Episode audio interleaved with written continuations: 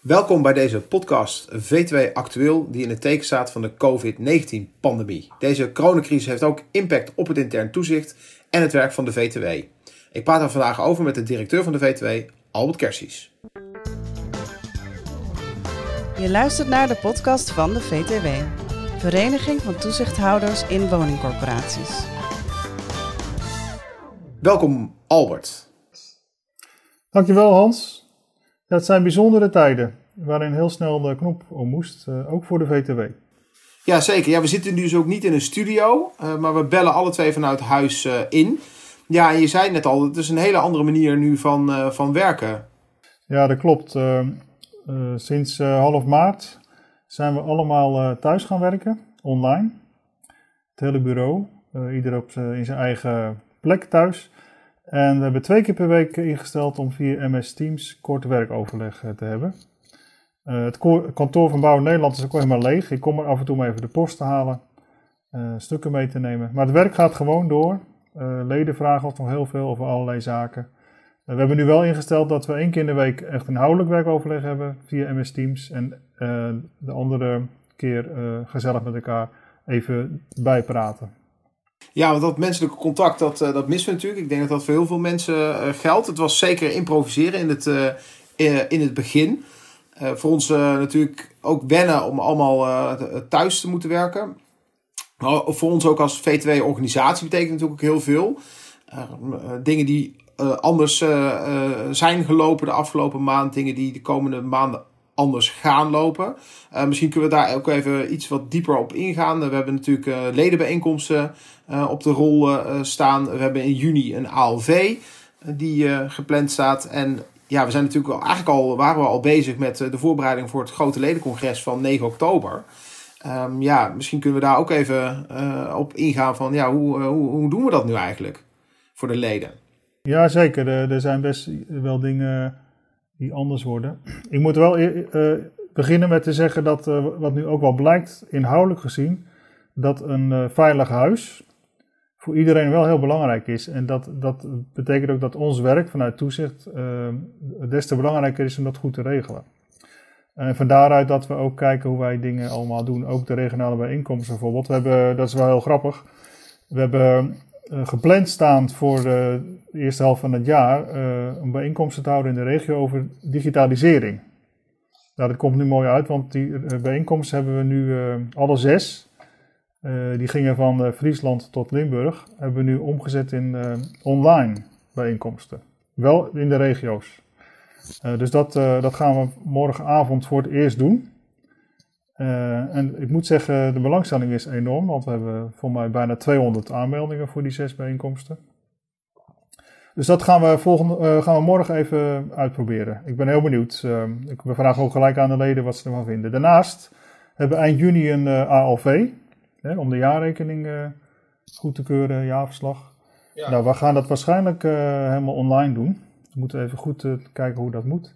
En we hebben ook een themabijeenkomst over de, de, resultaten van het onderzoek van de Universiteit van Groningen over de relatie intern, extern toezicht en bestuurders.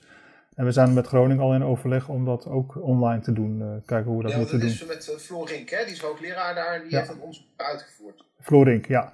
De resultaten zijn, nu, uh, zijn ze nu aan het verwerken, dus ik ben heel benieuwd. En we willen dat wel in juni doen. Maar dat gaan we dus ook niet fysiek met elkaar doen, maar online. En we hebben dus uh, daarnaast uh, heel veel online overleggen met verschillende mensen. Het is wel heel bijzonder, uh, want uh, normaal gesproken stap ik in de auto en rijd ik het hele land door. En nu dus niet. En ik vraag me af, eh, na het post-corona-tijdperk, of we dan ook niet alle afspraken, of we eerst moeten nadenken, moet je dat fysiek doen of kan je dat ook online? Want dat scheelt heel veel tijd. Overigens vind ik het wel ehm, hectischer geworden, omdat je normaal gesproken in de auto nog even heen en weer rijdt en wat rustmomenten hebt. En die heb je nu niet, dan gaat gewoon door. Ja, dat, dat, ja, dat is ook wel, en het is ook wel inspannend om telkens natuurlijk naar al die, eh, die schermpjes uh, te kijken. Ja, maar ik mis het contact met de leden en met trouwens het bureau best wel hoor. Je merkt toch wel dat je, uh, je ziet elkaar wel via zijn scherm, maar het echte contact, dat je weet uh, hoe iemand reageert of dat je eventjes iemand in de ogen kunt kijken, dat, dat mis ik wel. Ja, en die regionale bijeenkomsten hadden we natuurlijk eigenlijk ook bedoeld om naar de leden toe te gaan. Hè. Die zijn nu wel regionaal online. Ehm, en voor de leden mist natuurlijk ook de interactie die zij met elkaar hebben. Hè. Dat ze met elkaar in gesprek kunnen gaan over hoe doe jij het nou. Dat is natuurlijk iets wat nu ook uh, een stuk uh, minder makkelijk wordt. Ja, dat, goed dat je dat zegt. Want wij, wij hebben de slogan, de VTW komt naar u toe. Hè, want onze leden zitten in heel Nederland. En dat doen we nu uh, online. Maar ik merk wel uh, bij die, die, regionale bijeenkomsten. Uh, we hebben bijvoorbeeld altijd een pauze. Het is altijd heel lastig om onze leden weer terug de zaal in te krijgen. Want ze hebben elkaar heel veel te vertellen. Echt. Je merkt gewoon dat dat heel belangrijk is. Dat ze even onderling. Ze kennen elkaar, vaak helemaal niet. Maar als ze elkaar ontmoeten, dan hebben ze altijd heel veel raakvlak over toezicht en coöperaties. Dus dat is wel een gemis. Ja. ja. En als laatste, ja, het ledencongres. Uh, want dat waren we eigenlijk al heel druk mee bezig. Hè. We brengen ook weer een, een, een special uit. Nou dat, dat kan sowieso natuurlijk gewoon doorgaan. Eh, een, een fysieke magazine uitbrengen. Maar ja, het ledencongres van 9 oktober over de energietransitie. Uh, ja, wat kun je daar alvast over zeggen op dit moment? Ja, dat, het, daar zijn we nog even over aan het nadenken intern. Uh, want de, gisteren heeft premier Rutte gezegd tot september, uh, tot 1 september uh, zijn alle grote bijeenkomsten verboden. ons ledencongres is begin oktober, dus het zou, het zou nog wel goed kunnen dat het doorgaat. Alleen we, zijn, we gaan nu wel binnenkort intern in, met het bureau kijken van wat zijn de verschillende scenario's die, die zouden kunnen ontstaan. want ook al zou het wel kunnen, uh, zouden misschien een, zou misschien een deel van de leden denken, ja, ik doe het liever niet. Dus we, gaan verschillende mogelijkheden, dus gewoon fysiek bij elkaar of helemaal online gaan we, en daartussenin gaan we even uitzoeken en uh, bekijken wat de mogelijkheden zijn. Uh, dat is natuurlijk een heel actueel thema, energietransitie en de corporaties en de toezicht. Alleen je merkt ook wel dat ehm, bij gemeentes dat, dat de ontwikkelingen, de voorbereidingen voor de regionale energiestrategieën ook een beetje uh, vertraagd zijn. Dus, uh, maar goed, dat is heel actueel en dat blijven we doen. Maar uh, we gaan het houden, maar hoe we dat gaan doen, dat, daar gaan we nog in overleg. ik wil ook nog iets zeggen over de masterclasses van de VTW-academie. Die zijn nu even on hold gezet. Hè? De, de masterclasses met weinig aanmeldingen worden doorgeschoven naar de tweede helft van het jaar. En daar wordt er gekeken of er in grotere zalen de masterclasses fysiek kunnen worden gehouden. Er worden een aantal masterclasses waar wel uh, veel belangstelling voor was, eerste helft van het jaar, wordt gekeken of die nu op een andere manier uh, online kunnen worden gegeven. En daar krijgen de leden nog bericht over. Zeker degenen die zich al hebben aangemeld. Nou, dat is goed, om te, goed om te horen dat, dat ook wat de masterclasses betreft we bezig zijn om dat goed, goed op te lossen. Ja, en een van de dingen waar uh, RVC's natuurlijk mee worstelen is uh, met hun vergaderingen. Uh, hoe ga je met je bestuurder en met elkaar ook in gesprek? hoe kun je dat, hoe doe je die besluitvorming? We hebben daar ook een enquête onder voorzitters over gedaan. Daar kunnen we het zo meteen nog even over hebben. Maar gisteren heeft de Eerste Kamer een noodwet aangenomen. Dat is heel snel door alle Tweede Kamers van het parlement gegaan over die digitale besluitvorming. Ja, dat klopt. Ehm, daar krijgen we ook wel vragen over van leden. Um, en dat is ook voor ons als eh, VTW, als vereniging, ook wel relevant. Uh, we zijn blij dat, uh, dat het goedgekeurd is in de Eerste Kamer. En eh, we hebben ook Eelkje van der Kuilen gevraagd om daar iets over te melden. Dat is in de, in de vorige nieuwsbrief al gezet. En de komende nieuwsbrief, komende vrijdag, hè, geloof ik, Hans. Dan ehm, komt er nog een aanvullend stukje over wat er wel en niet mogelijk is. Want voor mij, ja, virtueel vergaderen, ook als raad van commissaris, raad van toezicht, is mogelijk nu met de nieuwe met de noodwet. Alleen je moet wel een aantal voorwaarden voldoen. Hè. Je moet allemaal toestemming geven als ieder uh, lid van de Raad van Commissarissen. En je moet het allemaal via de mail toch wel schriftelijk proberen vast te leggen. Maar de, ja. Dus als je dat uh, concluderend. het is heeft trouwens een tijdelijk karakter, hè, dus tot 1 september. En daarna wordt het misschien uh, voortgezet, met dank van de omstandigheden af. Maar de wet maakt het dus mogelijk dat vergaderingen van verschillende organen, van verschillende rechtspersonen, virtueel worden gehouden. En dat, was, dat is ook voor een FVC van een woningstichting, woningvereniging. Uh, Maar goed, dat, dus uh, dat is mooi dat het kan. Maar het is altijd, uh, ja, we hebben natuurlijk net uh, een hele discussie gehad, een hele rapportage over kracht en tegenkracht. En ehm, wat je wel en niet zegt in zo'n vergadering. Dus virtueel vergaderen is een mooi alternatief. Maar voelen, aanvoelen wat er niet wordt gezegd, wat er wordt bedoeld via non-verbale signalen, ja, dat mis je dan wel. Maar goed, dat is, moet je even voor lief nemen voorlopig. Maar het kan dus wel gelukkig. Dus daar zijn we blij mee. Ja, nee, want we, hebben dat ook, want dat, daar kregen we van leden ook veel vragen over. We hebben dat ook uh, uh, bij leden, of voorzitters in dit geval, uitgevraagd. We hebben een week of vier geleden hebben we een enquête gedaan.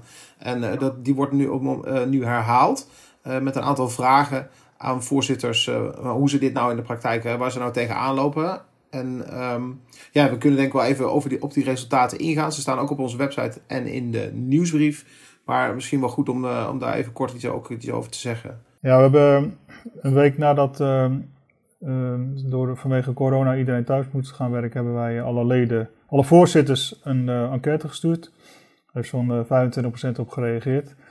en dat hebben we vorige week, of deze week weer gedaan. En nu heb je zo'nzelfde soort reactie. nou, wat eruit blijkt, dat um, coöperatiewerk gaat gewoon door. Hè. De woningen zijn nodig. Waar ze, meesten hebben één keer in de week contact met de bestuurder. De FVC-vergaderingen worden nu omgezet in de, in de virtueel, in online eh, bijeenkomsten. Dus dat gaat wel door. Um, ze vinden het heel prettig dat de VTW ehm, doorgaat met de informatievoorziening en ook wat meer specifiek op corona en wat er moet gebeuren, dus vergaderingen. En wat ook uh, blijkt, dat ze um, vooral uh, zich zorgen maken of uh, zich bezighouden met de huurders, met gezondheid van eigen personeel, met hoe de bestuurder met de situatie omgaat. En ook over huisuitzettingen en huurverlagingen. Daar is een hele discussie over. En ze verwachten van de VTW dat wij um, naast de normale berichtgeving ook hun helpen op de hoogte houden van wat de consequenties zijn van de coronacrisis voor corporaties en voor FVC's.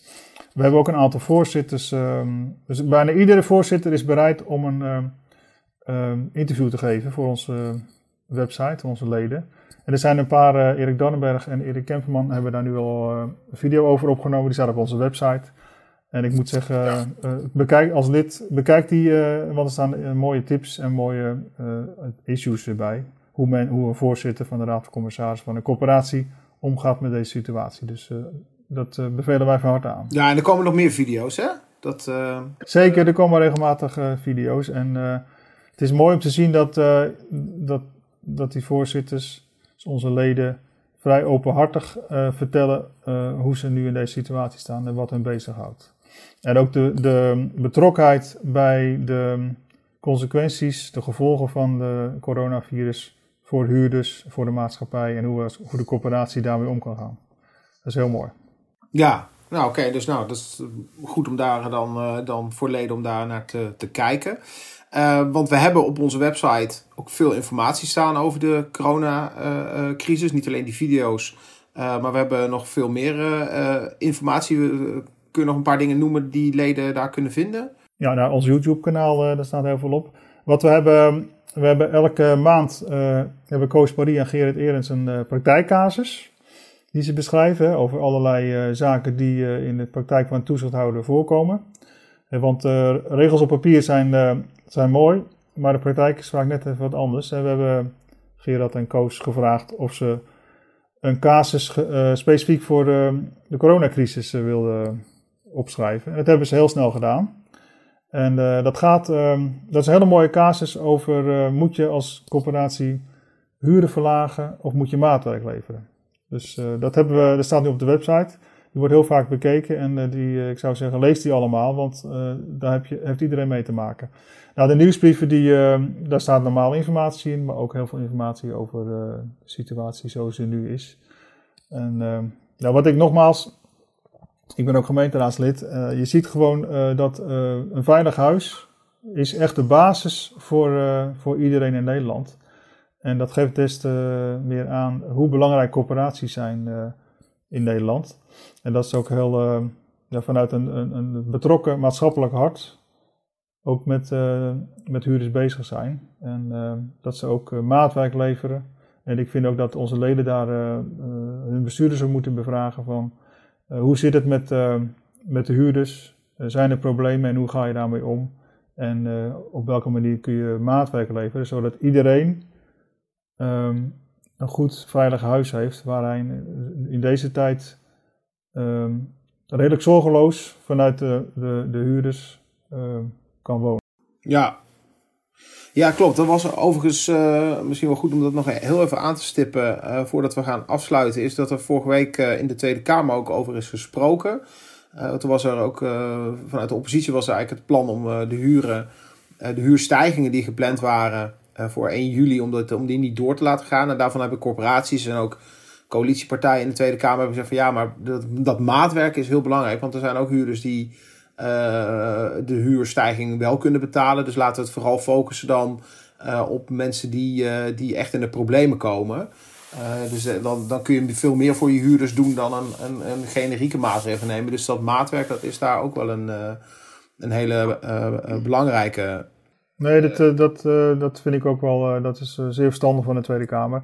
En ik zou zeggen, als iemand vragen heeft over huurstijgingen of maatwerk, Lees die casus van Koos, Paris en Gerrit Erens door. Daar staat het heel mooi uitgelegd. Nou Albert, uh, dankjewel ook voor je bijdrage. En dan uh, zijn we hiermee aan het einde gekomen van de podcast V2 Actueel over de coronacrisis.